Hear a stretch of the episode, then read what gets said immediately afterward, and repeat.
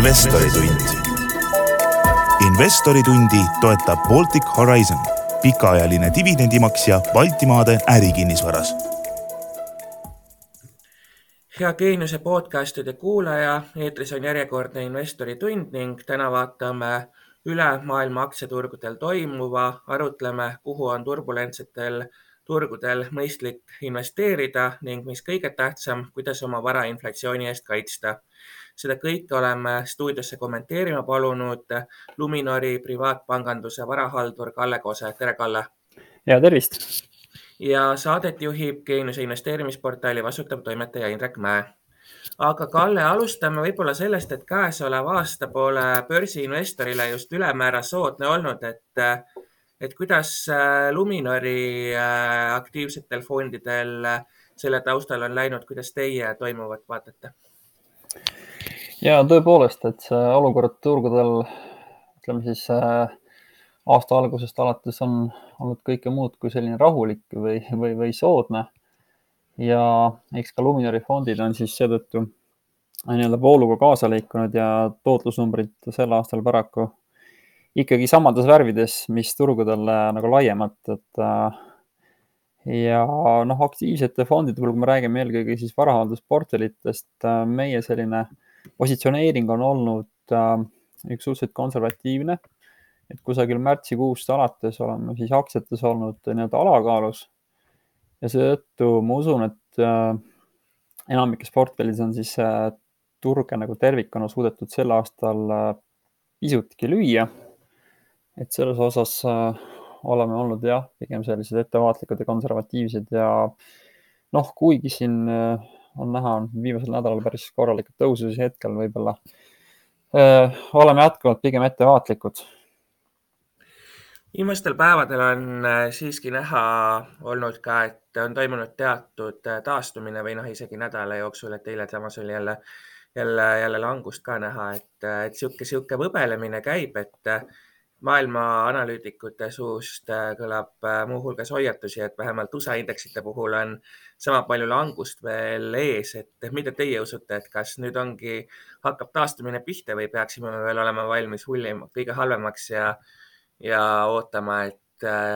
et vähemalt sama palju on veel minna allapoole? ja tegemist on muidugi klassikalise miljoni dollari küsimusega, et, et täpset vastust, kuhu siis aktsiad või aktsiaturud kuue kuu pärast näiteks võiksid jõuda, ma täna kahjuks ei tea ja no alati on niimoodi, et äh, on olemas siis pullid ja karud äh, nii tavaturuosaliste seas kui ka siis analüütikute seas ja noh, alati on neid, kes näevad umbes sama suurt langust veel, kui on olnud, aga on ka neid, kes räägivad, et hullem on möödas. Aga noh, siin võib-olla kõige mõistlikum on rääkida erinevatest äh, stsenaariumitest, et, et loomulikult on olemas positiivne stsenaarium ja, ja kui positiivsetest stsenaariumitest rääkida, siis siis äh, need tänased põhjused me kõik teame, et, et äh, rahapoliitika karmistamine, kõrge inflatsioon, äh, üllatuslikult kaua on see inflatsioon olnud nii-öelda probleem, et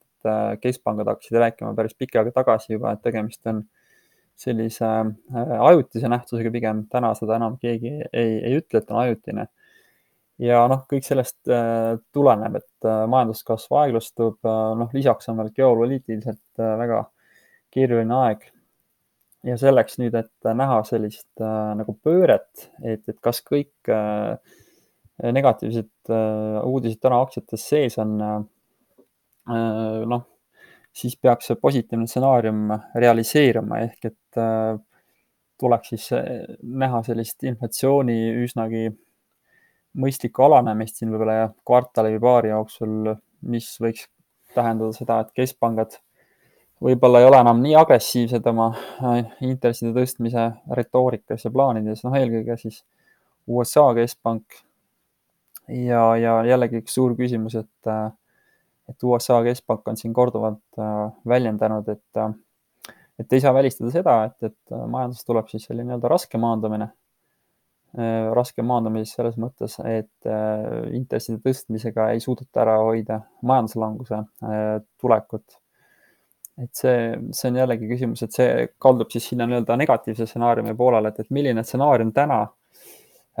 on suurema tõenäosusega kas positiivne või negatiivne. ma pigem oleks selline fifty-fifty või, või pigem ootaks, et positiivne stsenaarium võib-olla realiseerub suurema tõenäosusega. aga noh, jällegi, et, et kuna sellist ebakindlust on niivõrd palju, siis mingisuguste prognooside tegemine on täna kahtlemata väga keeruline mainisite äh, siin inflatsiooni, et äh, ilmselt äh, investori jaoks täna üks suurimaid küsimusi ongi see, et kuidas enda vara siis hindade tõusu eest kaitsta, et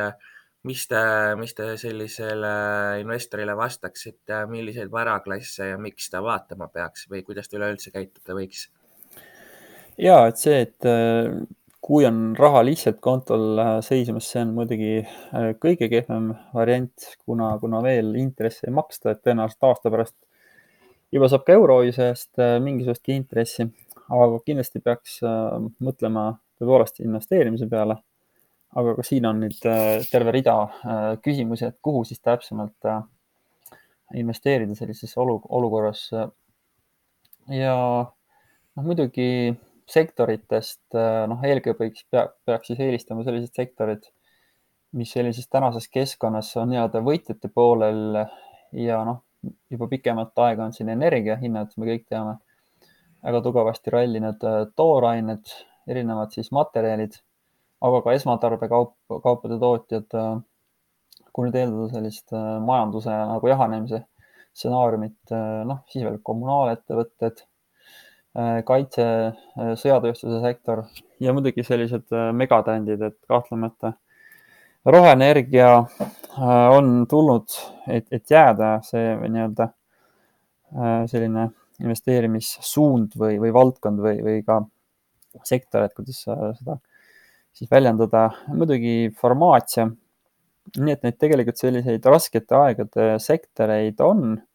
mitte ainult siis inflatsioonist lähtuvalt, vaid ka sellistest äh, eeldustest, et majanduskasv aeglustub ja, ja majanduslanguse oht suureneb. aga noh, muidugi tuleb olla jällegi vägagi valiv ja noh, kui nüüd jällegi rääkida lisaks siis aktsiaturgudele, kahtlemata praegu väga populaarne on, on kinnisvara. Ja, ja kinnisvara, noh, kahtlemata tasuks kaaluda investeerimist kinnisvarasse ka. siit muidugi tekib selline järgmine küsimus, et äh, kui on äh, seda kapitali nüüd vähem kui mingisuguse äh, reaalse kinnisvara ostmiseks, et korter, mis iganes muu. et kuidas siis toimetada ja noh, hiljuti tuli ju meil siin Tallinna börsil jällegi Efteni üks uus fond, mis võib tegelikult olla siis sellisele väiksema portfelliga investorile üks, üks, ma arvan, väga, väga mõistlik valik. Mainisite, loetlesite üles äh, paljud kaitsvad sektorid, aga siitkohal tekib kohe niisugune mõte või küsimus, et kui palju kõik teavad, et või väga paljud turuosalised teavad, et need on kaitsvad sektorid, kui palju on seda ohtu täna, et, et äh, nii-öelda nende see kaitse on juba hinda sisse arvestatud, ehk siis ehk siis ostad ära ja kõik on juba varasemalt sinna panustanud ja tegelikult võib-olla ostad neid kaitsvaid just tipust ja siis, kui majandus pöördub, siis, siis hakkavad need just langema. Jah, see on selline higipõline küsimus, et äh, kas täna on veel õige aeg äh, minna siis sinna energiasektorisse nüüd äh, hurraaga otsima seda kaitset, et kindlasti tasub olla väga ettevaatlik, et jällegi, et, et energia ja toorained, nad on väga siis nagu tsüklitundlikud, et kui nüüd peaks realiseeruma see stsenaarium, et, et äh, hakkab paistma kuskilt äh, selline majanduse äh, märkimisväärne jahenemine, et eh, nii siin meil, meil Euroopa regioonis, USA-s või globaalselt tervikuna, et siis hakkavad tooraine hinnad ka ilmselt päris korralikult allapoole liikuma ja seetõttu noh, sellist äh, nagu ütleme nii, et ühest sellist äh, nagu kuldvõtmekest anda inflatsioonikaitse eest ei ole sugugi lihtne, et tuleb olla vägagi valiv. ja noh, siin jällegi selline mõte, et äh, investor, kes üritab äh, sellist turu äh, terviklikku tootlust või turu keskmist tootlust lüüa, peab ennast pidama siis nii-öelda aktiivseks investoriks. aktiivse investori ülim eesmärk saab olla turutootluse löömine. aga see ei ole täpselt mitte nagu lihtne ülesanne ja just selliste valikute tegemisel varem või hiljem võivad tekkida päris suured nagu vead sisse. ja see puudutab just sellist nagu ajastamist, et täna võib tunduda, et vägagi loogiline siis minna kinnisvarasse või, või energia või mis tahes muusse sellisesse äh, sektorisse, mis peaks kaitset andma, aga küsimus on, kas noh, nagu sa ise väljendasid, kas sealt juba nagu suur osa sellest kaitsest juba ei ole hindadesse sisse arvutatud? Äh, mainisite kinnisvara, et kinnisvara reeglina ostetakse laenuga, et iseenesest laenu puhul on, on ka see efekt, et inflatsioon sööb äh, laenujääki nii-öelda ära, et siinkohal kohe küsingi, et kui me teame, et ka Euroopa Keskpank hakkab kohe intressimäärasid tõstma, et, et kui hea mõte on äh, täna üleüldse laenu võtta ja, ja kas need intressimäärad saavad üldse nii palju tõusta, et äh, laenuvõtjaid häirida, sest äh, teatavasti liiga palju tõstes ootab Lõuna-Euroopa sees võlakriis. ja, ja et see on nüüd see nii-öelda tõdemus, et Euroopas ei saa ju intressid liiga kõrgele tõusta. omajagu tõde selles on, aga aga noh, alati eriti just laenuotsust tehes või, või mõeldes tasub olla konservatiivne. et ma ütleks, et äh, mõõdutundega äh, laenu võttes eluaset osta inflatsioonilises keskkonnas ei pruugi olla üldse halb mõte. Ja just eeldusel, et äh, inimene siis tunneb ennast tööturul kindlana, et kiire inflatsiooni tingimustes noh, see peaks tähendama ka Äh, palgatõusu sellist loomulikku, ütleme, palgatõus jätkub äh, ja, ja on kiire, et kui inimene usub, et ka tema sellest palgatõusust saab osa, siis tegelikult äh, noh, see, see võib täiesti mõistlik olla ja Euroopa Keskpanga selline noh, tööriistakast täna ei ole väga, vägagi roosiline, et intresse on vaja tõsta. aga nagu sa ka mainisid, siis noh, Euroopa on selline puusatükkidest koosnev, kui näiteks Saksamaal oleks juba karjuv vajadus, äh, ma ei tea, kaheprotsendise intressi järgi, siis äh, lõunapoolsetes riikides äh, olukord nii, nii roosiline ei ole ja noh, muidugi jällegi, et keskpangad on olnud ja kindlasti on ka tulevikus siis vägagi loomingulised, et kui vaja intresse tõsta kahest protsendist kõrgemale, küll nad siis selle viisi leiavad, et noh, üks võimalus ongi, et lihtsalt Äh, lõunaosa riikide võlakirju lihtsalt ostetakse nagu valikuliselt äh, kokku ja selle äh, võrra siis proovitakse nende intressitaset kunstlikult nagu madalal hoida. aga, aga noh, üldiselt isiklikult ma, ma ei usu jah, et me näeme veel selliseid aegu, kus Euribor oli siin aastal kaks tuhat ja kaks tuhat kaheksa oli, oli viis protsenti, et täna tundub see pigem vägagi vähetõenäoline. aga no ütleks kokkuvõtteks, et äh, kodu ostmine ei peaks olema selline spekulatiivne äh, nii-öelda tehing, et kui on kodu vaja, siis äh,, siis tuleb seda äh, oluliselt kaaluda kõiki äh, asjaolusid arvesse võtta. täna oleme olukorras, kus äh, inflatsioonimäär on kõrgem kui palgakasv, et äh, sellises keskkonnas, kui tõenäoline on, et ettevõtted suudavad hindade tõusu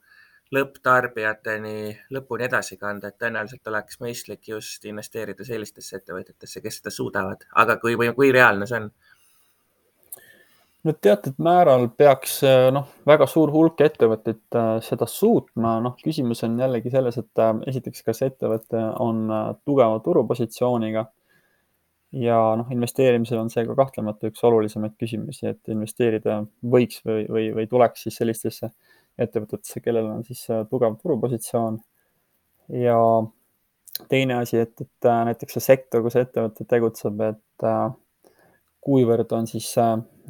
sektor siis nii-öelda selline hinnaelastne, et, et kui nüüd selles sektoris hakata hindu tõstma, et kas siis see nõudlus sellele kiirelt reageerib või mitte, noh, hea näide on siis esmatarbekaubad, et esmatarbekaupade tarbimine püsib üldiselt ka siis noh, teatud sellisel levelil või nivool siis, kui on äh, kriisiperiood, et äh, noh, mingitest äh, kaubagruppidest väga raske loobuda, kui üldse, noh, on olemas muidugi ka asenduskaubad. seetõttu jah, sellised äh, võib-olla konservatiivsemad sektorid või just esmatarbekaubad on üks valdkond ja sealt tugevad ettevõtted suudavad neid hindu lõpp, lõpptarbijale nagu tugevamini edasi kanda või, või efektiivsemalt no muidugi jällegi tooraineettevõtted, farmaatsia, aga ka energia, et selliseid sektoreid on. Ja kui just seda nagu silmas pidada, et äh, otsida sellist sektorit, kel see nii-öelda pricing power on olemas, siis noh, mida juba siin ka nimetatud on, nendest sektoritest võiks neid valikuid teha, nende sektorite edukamaid ettevõtteid siis nii-öelda äh, valida äh,. väga palju on ka tehnoloogiasektori aktsiaid tegelikult, mis täna on juba oluliselt odavnenud, et kohe tulevad pähe, ma ei tea, Facebook ehk Meta, Netflix äh,, tegelikult ka Apple ja Microsoft ja nii edasi, et mõni investor mõtleks, et, et justkui ostukoht, et on siis ostukoht või ei ole tuleks tagasi esimese küsimuse juurde, et sõltub stsenaariumitest ja noh, ma ütleks, et kindlasti jällegi selliseid äh, oma valdkonna liidreid tasub hoida radaril, kui on plaan äh, tehnoloogiasektorisse nagu investeerida. et kindlasti tasub hoida radaril ja noh, alati on äh,, saab öelda, et parimad ostukohad selguvad nagu tagantjärgi. seda, seda, et hetkel reaalajas öelda, et nüüd on parim ostukoht äh, noh, pigem on tegemist sellise äh, loterii kui mingisuguse sellise planeeritava või prognoositava äh, nähtusega, et põhja tabamine. aga kindlasti tasub hoida radaril selliseid huvitavaid aktsiaid. Ja, noh, täna ma julgeks äh, kätt südamele pannes öelda, et jah, tegemist on põhjaga, et hakkame ostma. aga pigem äh, jällegi selliseid tugevaid aktsiaid on ka mõistlik siis nii-öelda osade kaupa osta, et äh, mingi kogus täna ära osta, vaadata, mis on kolme kuu pärast seis ja, ja just selline ettevõtte fundamentaal on see, mis nagu loeb, et ära hoida sellist mingitki ülemäära suurest, suurt kukkumist, et äh, jah. kui, kuidas äh, mainisite juba fundamentaale, et mida, mida näiteks teie vaataksite, kui siin investor läheb nüüd tehnoloogiasektorisse valima, kaardistab ära hüppeliselt odavnenud aktsiad, et, et millised need näitajad on või kuidas te tuvastate need nii-öelda oma ala liidrid, et peab ta olema kasumis, peab ta olema oma B suhtelt, ma ei tea äh,, valdkondlik tegija, mida te vaatate, mis need näitajad on? no ja väärtuskordajad äh, kindlasti on, on olulised, et vaadata just, äh, millised on siis hetke väärtuskordajate tasemed äh, võrrelduna siis noh, oleneb ka sellest, kui pika ajalooga ettevõte on. aga kui on selline ikkagi pikem ajalugu, et kuidas ta on siis eelnevates sellistes kriisides käitunud. ja noh, muidugi rahavoo teenimise võime, et, et kui püüda siin modelleerida erinevaid stsenaariumeid jällegi, et, et millised on siis need rahavood eelduslikult, äh, kui tulebki selline negatiivse stsenaarium, et noh, ettevõtte väärtuse hindamine on muidugi terve omaette teadus ja võib-olla pigem rohkem kunst kui teadus. aga noh, võib-olla sellisel tavainvestoril ei olegi mõtet seda liiga keeruliseks ajada, et äh, lähtuda rohkem sellisest talupeatarkusest ja, ja mitte hakata raketiteadust arendama, et pigem vaadatagi, kuidas on siis äh, need huvitavad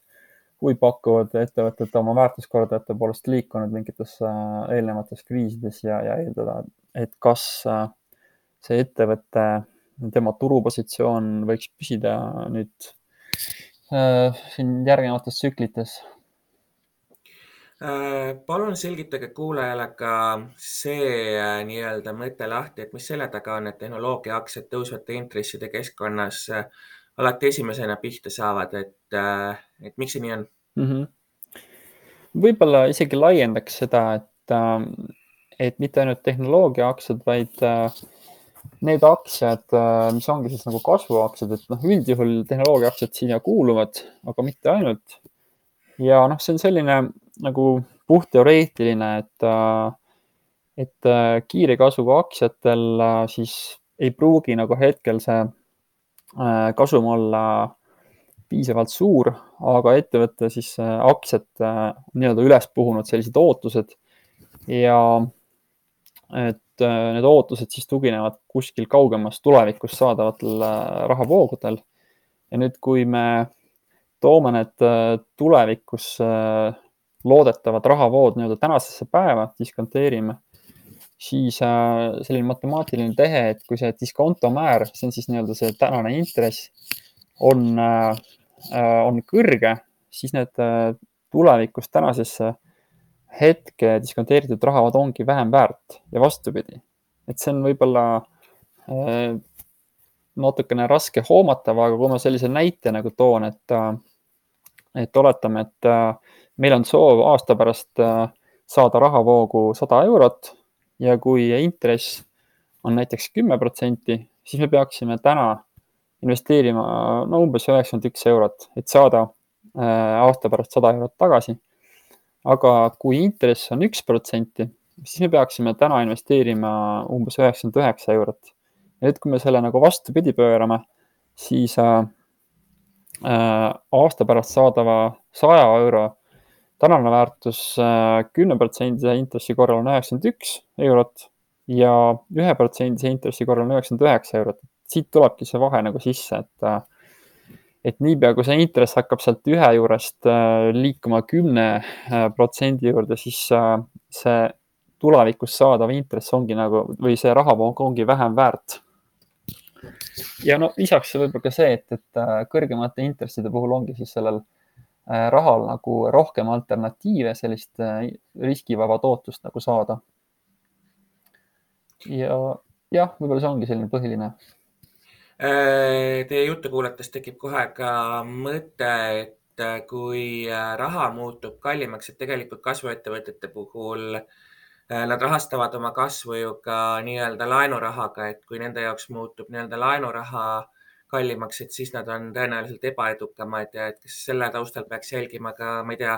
kui me tuleme selle juurde tagasi, kuidas neid kasvuettevõtteid siis täna, täna valida, et äh, kas peaks vaatama ka, ma ei tea, näiteks võlakordajaid ja muid siukseid asju, et, et aru saada, kui palju neil võlgade teenindamisele kuluma hakkab? ja kahtlemata, noh, tegelikult äh, seda saabki siis läbi selle nagu rahavoogude äh,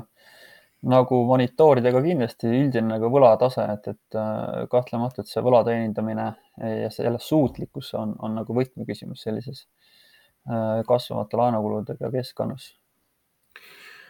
Äh, kuivõrd tõenäoline on see, et indeksites hakkavad vedurid nii-öelda ringi vahetuma, et täna teame, et väga suur osakaal ongi nendel samadel tehnoloogia ja siis nii-öelda fangi aktsiatel.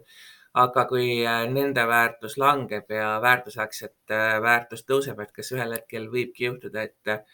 et äh, indeksite eesotsas ongi, äh, ongi suuruselt mingisuguseid dividendimakseid ja muud sellist? no tõenäoliselt äh, need proportsioonid või noh, kindlasti nad juba on muutunud, aga et nüüd kasvuaktsiad täiesti sealt eestotsast ära lähevad, seda ma praegu ei julge nagu prognoosida, et turuväärtuse langus, noh, tänaseks tehnoloogiaaktsiatel on olnud tegelikult ju märkimisväärne võrreldes siis äh, Äh, noh, väärtusaktsiatega. aga et see nüüd nagu täiesti ringi pöördaks äh,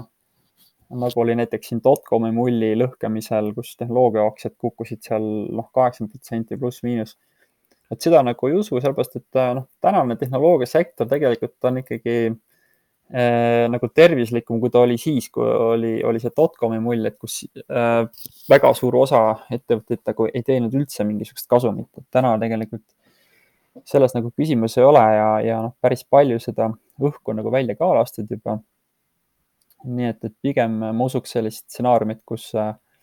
proportsioonide muutused võib-olla mingis osas veel jätkuvad, aga et täielikult väärt, väärt, äh, väärtusaktsiad nüüd selle indeksite äh, nagu sellise äh, suurema osa nagu üle võtad, seda ma nagu pigem ei näe praegu räägime veel äh, natuke ka keskpankadest ja rahapoliitikast, et äh, mainisite, et Saksamaa vajaks, vajaks juba ammu vähemalt kaheprotsendilisi intresse, et, et kas valdavalt Euroopas on teie hinnangul äh, intressimäärade tõstmisega täna hiljaks jäädud? väga raske küsimus, et noh, lihtne on öelda, et jaa, et, et, et samamoodi võib ka öelda USA kohta, et, et kui inflatsioon on, on siin, kus ta täna on siis äh, väga lihtne on öelda, et äh, kus te nagu enne olite, poisid või keskpankurid. aga noh, siin peab vaatama, et, et äh, kui keskpangad ei oleks nüüd koroonakriisile reageerinud nii, nagu seda tehti, et mis, mis oleks meil tänane olukord siis ja noh, lihtsaid vastuseid või lihtsaid lahendusi sellistes olukordades nagu ei ole aga noh, ma usun, et äh, keskpankurid ise ka nõustuvad, et äh, oleks pidanud alustama intresside tõstmisega kiiremini ja noh, eks nad kõik lähtusidki sellest, et äh, tol hetkel tundus inflatsioon, kõrge inflatsioon või kiirenev inflatsioon pigem on selline ajutine. ja noh, paraku tuleb tunnistada, et neid inflatsiooni täiendavaid põhjuseid on ju siin lisandunud, et seoses sõjategevusega, kus noh, lisandus täiendav selline energiakriis, täiendav äh, surve tooraine hindadele. et tegemist on ikkagi sellise nagu täiusliku tormiga, mis äh, äh, tähendab, et kõik need negatiivsed, praktiliselt kõik negatiivsed äh, põhjused on koos, mis seda inflatsiooni siis veelgi ülespoole lükanud ja noh, tagantjärele tarkusega, tarkusena, et kui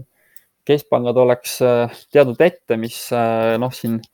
selle aasta märtsis äh, veebruari lõpus toimuma hakkab maailmas, et äh, võimalik, et nad oleks, oleks kiiremini reageerinud. aga ma usun jah, et äh, võib-olla kui kunagi hiljem sellist nii-öelda maailma, maailma, majanduse kommentaar või majandusõpikut vaadata, siis tagantjärele tarkusena võidakse öelda, et jah, et jäädi hiljaks küll intresside tõstmisega teame seda, et äh, nii-öelda tõeline täiuslik kriis jõuab kätte siis, kui enam äh, keskpankasid ei usaldata, et oleme näinud, et kuidas keskpank on pidevalt ka inflatsiooni oma prognoosides mõnevõrra alahinnanud ja nii edasi, et kas võib juhtuda, et keskpangad ei suudagi enam inflatsiooni ohjeldada, et rahatrükk on olnud ju üsna meeletu ning, ning seda tasa teha tundub olevat Äh, üsna keeruline või kuidas teie seda näete? jah, see, see oht on alati olemas, et äh, noh, üldiselt võib öelda, et äh, keskpanga selline tööriistakast justkui oleks nagu mõõtmata või piirideta, et nad võivad ju raha trükkida nii, nii palju kui vaja. aga noh, teatud määral on see tõsi, teatud määral mitte, sest et et see usalduse kaotus ongi üks selline nagu piire, et kui ikkagi keskpanga bilansimahtu suurendada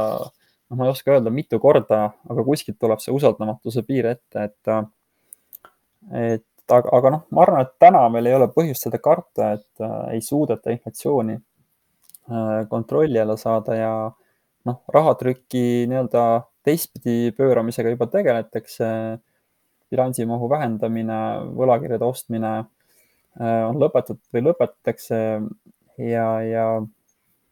noh tegelikult inflatsiooni kontrolli alla saamine ajalooliselt on olnud, noh, võtame USA tuhat üheksasaja seitsmekümnendatel, eh, lihtsalt eh, intressid tõsteti nii kõrgele, et sellele järgnes majanduslangus ja, ja tänane stsenaarium ongi selline, et kui ei suudeta seda inflatsiooni kontrolli alla saada sellise, ütleme siis pehme maandumisega, siis raske maandumisega paraku see väga suure tõenäosusega juhtub noh, loomulikult on olemas veel stagflatsiooni stsenaarium, kus siis äh, noh, majanduskasv on olematu ja inflatsioon püsib jätkuvalt kõrge. aga noh, pigem selline majanduslangus, kus siis, äh, millele äh, või millega kaasub selline järsk nõudluse ärakukkumine, on siis see stsenaarium, mis ikkagi inflatsiooni nagu kontrolli alla toob. et noh, tegelikult kui rääkida inflatsiooni väljavaadetest USA-s, siis äh, probleem on ka selles, et mitte ainult siis äh, äh, pakkumispoolne, pakkumispoolsed tegurid ei põhjusta inflatsiooni seal, vaid ka nõudluspoolsed, et USA tööturg on noh, praktiliselt siis nii-öelda täishõive seisundis. palgakasv on kiire ja eratarbimine on jätkuvalt sellises noh, väga kõrges või väga tugevas seisus ja see on omakorda siis äh, nihutab seda hinnakasvu veel lisaks sellele, et äh, on siis äh, pakkumispoolsed tegurid seda kujundamas. nii et, et olukord on nagu päris keeruline, aga, aga noh, paraku ajalugu on näidanud, et majanduslangusega tuleb siis selline inflatsiooni normaliseerumine tagasi, et, et ma usun, et, et keskpankadel see teadmine olemas, nad püüavad kõik selleks teha, et majanduslangust kas siis ära hoida või, või leevendada. aga kui muud üle ei jää, siis on see paratamatu, et see inflatsioon selle majanduslangusega kontrolli alla saadakse äh,. kuivõrd võib olla kuld, kuldvõtmeke hoopis OPEC-i käes, et inflatsiooni tõukavad ka energiahinnad, et kas lihtsam lahendus ei oleks lihtsalt nafta pakkumist äh, maailmaturul äh, suurendada ja, ja seeläbi energiahindasid äh, alla saada? jah, et eks me oleme näinud, et äh, OPEC on ka selline noh, loomulikult äh, OPEC-i riikidel on kõikidel omad huvid mängus ja kui nendele selline noh, sõbralik palve esitada, et olge nüüd head, äh, suurendage pakkumist, et äh, saame äkki koos inflatsiooni mõistlikumaks, siis noh, nad ilmselt muigavad ja, ja mõtlevad, et aga mis meie sellest kasu saame, et, et meil ju võib-olla ei ole see inflatsioon, noh, oleneb muidugi riigist, aga meil ei ole see võib-olla nii suur probleem, aga noh, tõsi ta on, et et, et naftahindade praegune seis äh, inflatsioonile kaasa aitab. aga ma arvan, et, et ainuüksi siis see nafta kõrge hinnatase, äh, see, see ei aita nüüd seda inflatsiooni kohe automaatselt kontrolli alla saada. et kui nüüd see OPEC äh, suudaks tootmist niivõrd palju suurendada ja noh, teine asi on ka see, et, et OPEC-il nüüd automaatselt seda tootmismahtu niivõrd palju suurendada, et see võib-olla leevendaks selle mõju, mis noh, Venemaa peagi siis jõustub embargo, et, et äh, selles ulatuses äh, nafta pakkumist suurendada, see ei ole nagu teps mitte lihtne. et äh, seetõttu see probleem pigem püsib ja, ja ma usungi, et nafta hindade normaliseerumist võib pigem mingis tulevikus seostada sellega, et nõudlus hakkab vähenema just tänu sellisele majanduse, majanduskasvu jahenemisele siin oli enne juttu ka sellest, et kinnisvara on üks, üks viis, kuhu äh, raha paigutada, et, et intressimäärade tõusuga see kokku pannes, et kuivõrd intressimäärad äh, meie kinnisvaraturgu mõjutamas on, et näiteks Eften Kapitali juht Viljar Raakas ütles paar päeva tagasi, et, et äh, teatav odavnemine hakkab siin nii või naa hiljemalt sügisel kinnisvaras toimuma ja kinnisvara hinnad hakkavad odavamaks muutuma, et olete, olete temaga nõus või pigem olete selles paadis, mida ütlevad mitmed kinnisvarabüroode eksperdid, et et äh, kahe tuhande eurost, kahe tuhandega algavat äh, ruuduhinda me varsti enam ei näe. jah, järjekordne miljoni dollari küsimus. aga noh,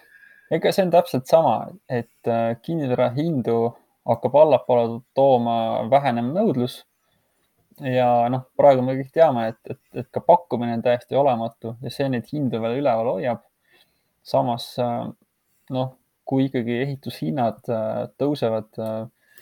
ma ei tea, mis tahes protsentides, e, siis varem või hiljem ikkagi kaob ära see, see hulk, kes suudavad üldse sellist kinnisvara osta ja, ja siis äh, noh, lisame siia juurde intresside tõstmised äh, tõenäoliselt, äh, noh, ma võib-olla usuks, et see hindade liikumine võib olla, kui me ei eelda kaheteist kuu jooksul Eestis äh, majanduskriisi ja suurt tööpuuduse kasvu, et see hindade liikumine võib olla mõõdukas, mitte, mitte väga suur kukkumine, et sellist odavmüüki ma nagu lähiajal pigem ei ootaks. teatud sellist võib-olla mõistliku korrektsiooni võib-olla, aga noh, see on, sõltub ka jällegi sellest, et äh, millises äh, sektoris, millises piirkonnas äh, uusarendused versus noh, kasutatud kinnisvara nii-öelda. Et, et ma usuks, et sellist korralikku verevalamist kinnisvaraturul, see eeldaks korralikku majanduskriisi Eestis. et hetkel jah, siin meil kaheteist kuu jooksul sellist stsenaariumit pigem ei, ei ootaks kui hästi pangad on Euribori tõusuks äh, valmistunud seda selle nurga alt, et kui kvaliteetsed on täna pankade kodulaenude portfellid ja kui tõenäoline on see, et kui Euribor hakkab tõusma, et siis tekib nii-öelda hapuseid kodulaene äh, juurde? ütleks, et pangad on äh, praeguses keskkonnas väga hästi valmistunud selliseks noh, ütleme negatiivseks stsenaariumiks kinnisvaraturul ja noh, päris paljuski ka tulenevalt nendest õppetundidest, mis siis eelnevas kaks tuhat kaheksa kriisist saadi ja noh, tegelikult ka regulatsioonid on aidanud seda konservatiivset joont väga palju hoida, et et laenuvõimekuse kalkuleerimisel arvestatakse selliseid väga, vägagi konservatiivseid stsenaariumeid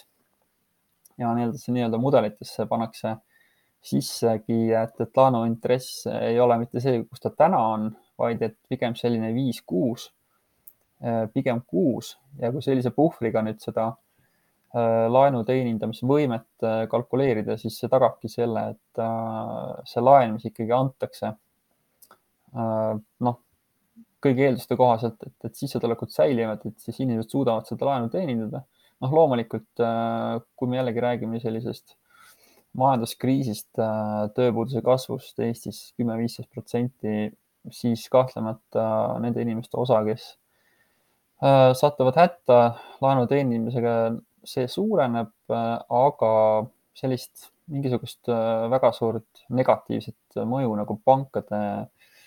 äh, finantstervisele ma nagu praegu küll ei näe.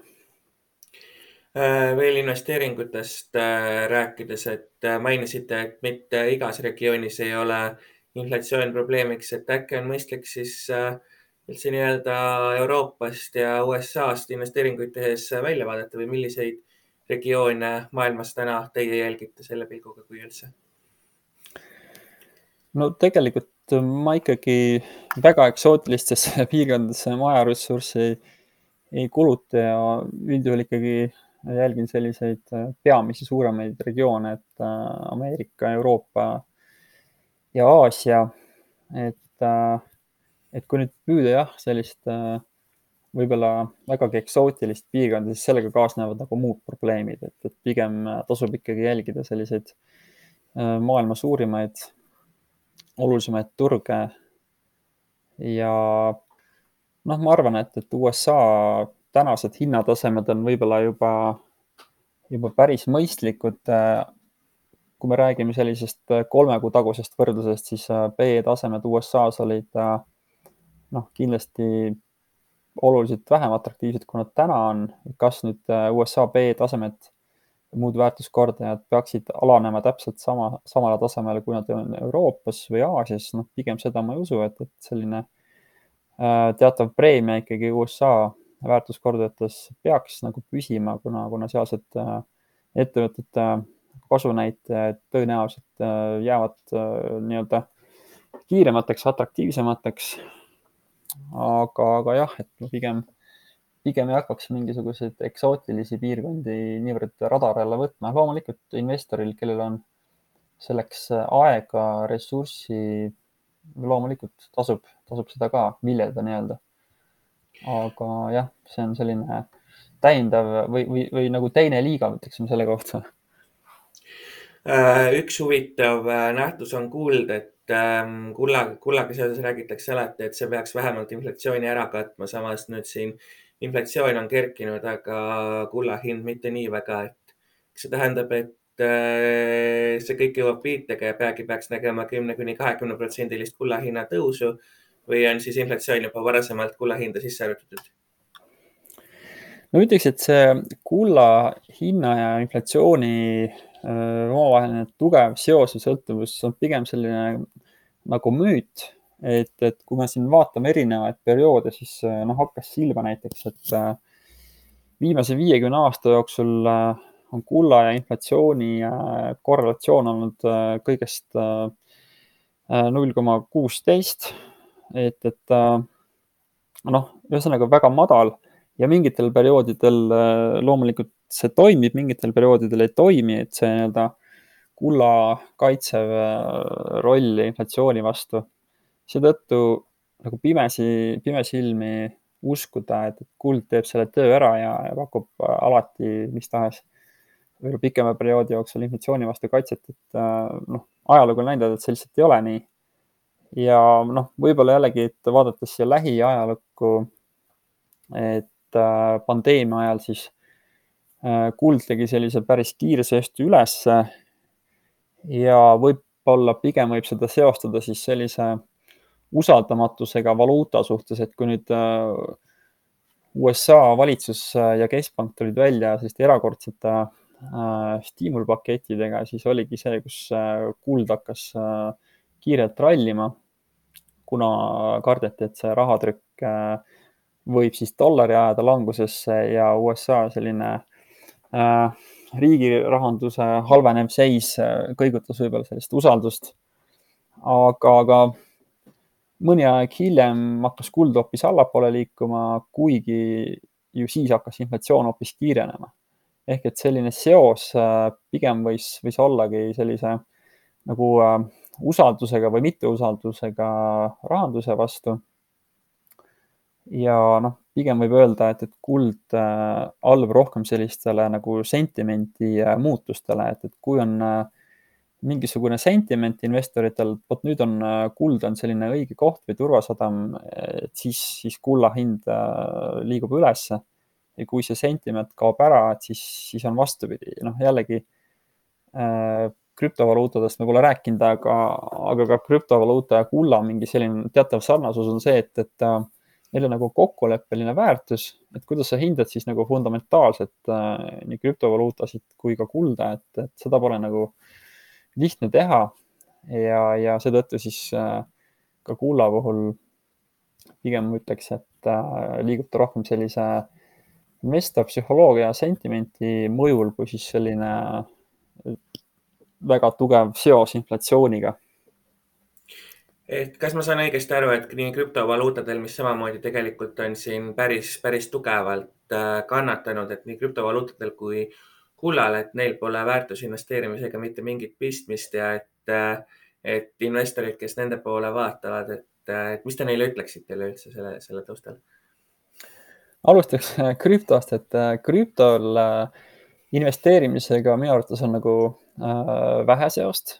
Et pigem on ta selline spekulatiivne instrument äh, kauplemiseks, tehniline analüüs, fundamentaalselt püüda krüptovaluutasid hinnata noh, sellel ei ole nagu praktiliselt mingisugust alust, et, kuidas sa hindad äh, krüptovaluutat fundamentaalselt.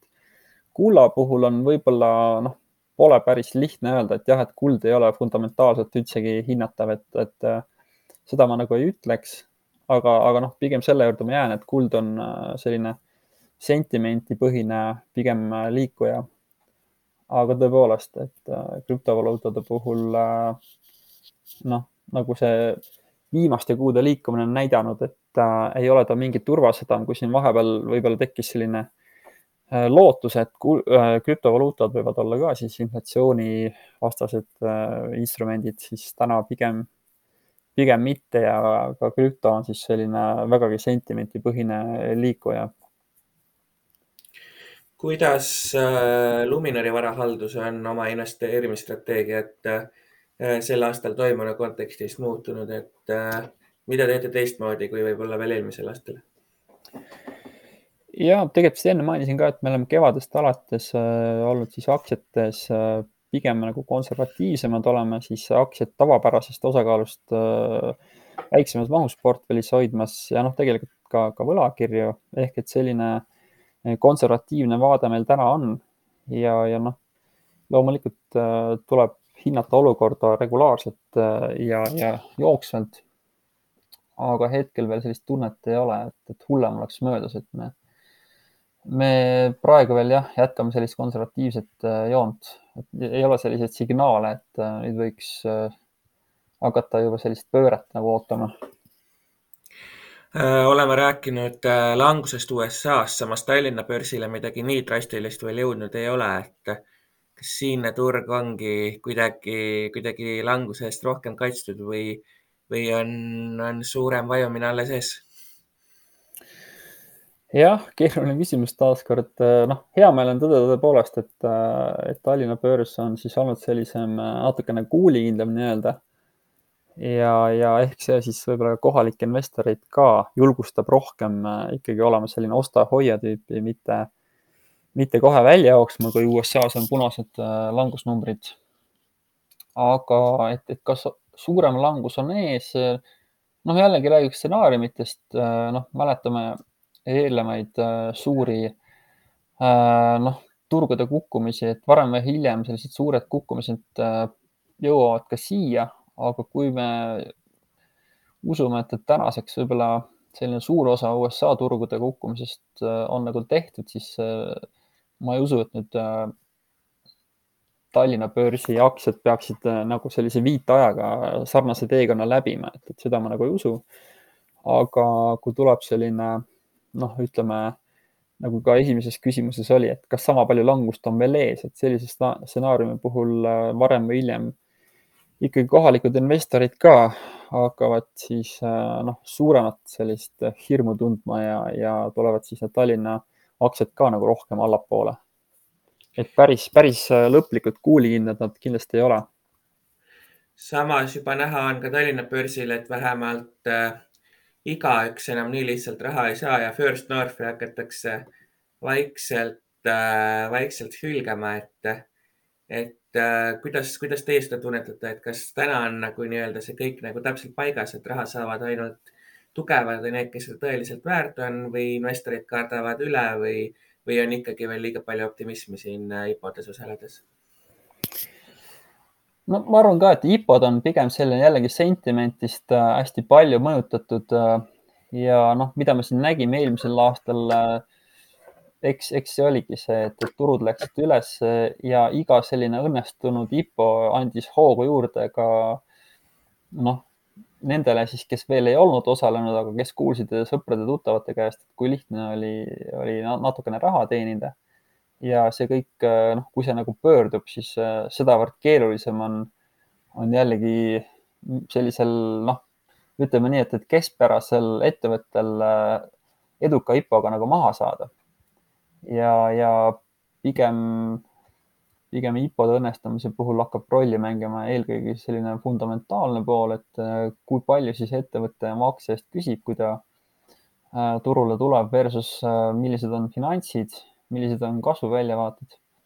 et selline normaliseerumine, noh, tegelikult varem või hiljem see pidi nagu toimuma ja, ja kas, kas ees ootab äh, uus huvitav selline IPO-de periood, ma pigem enne seda ei, ei usuks, kui nüüd äh, mingisugune väga positiivne aeg börsidele tagasi tuleks. noh, eks ta mingi aeg ikka tuleb, aga, aga lähiajal pigem võib-olla selline reaalsustaju ja, ja mõistlikkus äh, on, on rohkem domineeriv IPO-de puhul, nii et sellist IPO-de kuldaega mm, ma lähiajal nagu ei ootaks ja, ja ongi just see, et äh, raha saavad need, äh, kes seda väärivad, kellel äh, väljavaated ja ka finantsid eelnevatest äh, tegutsemisperioodidest on korralikult usaldusväärsed.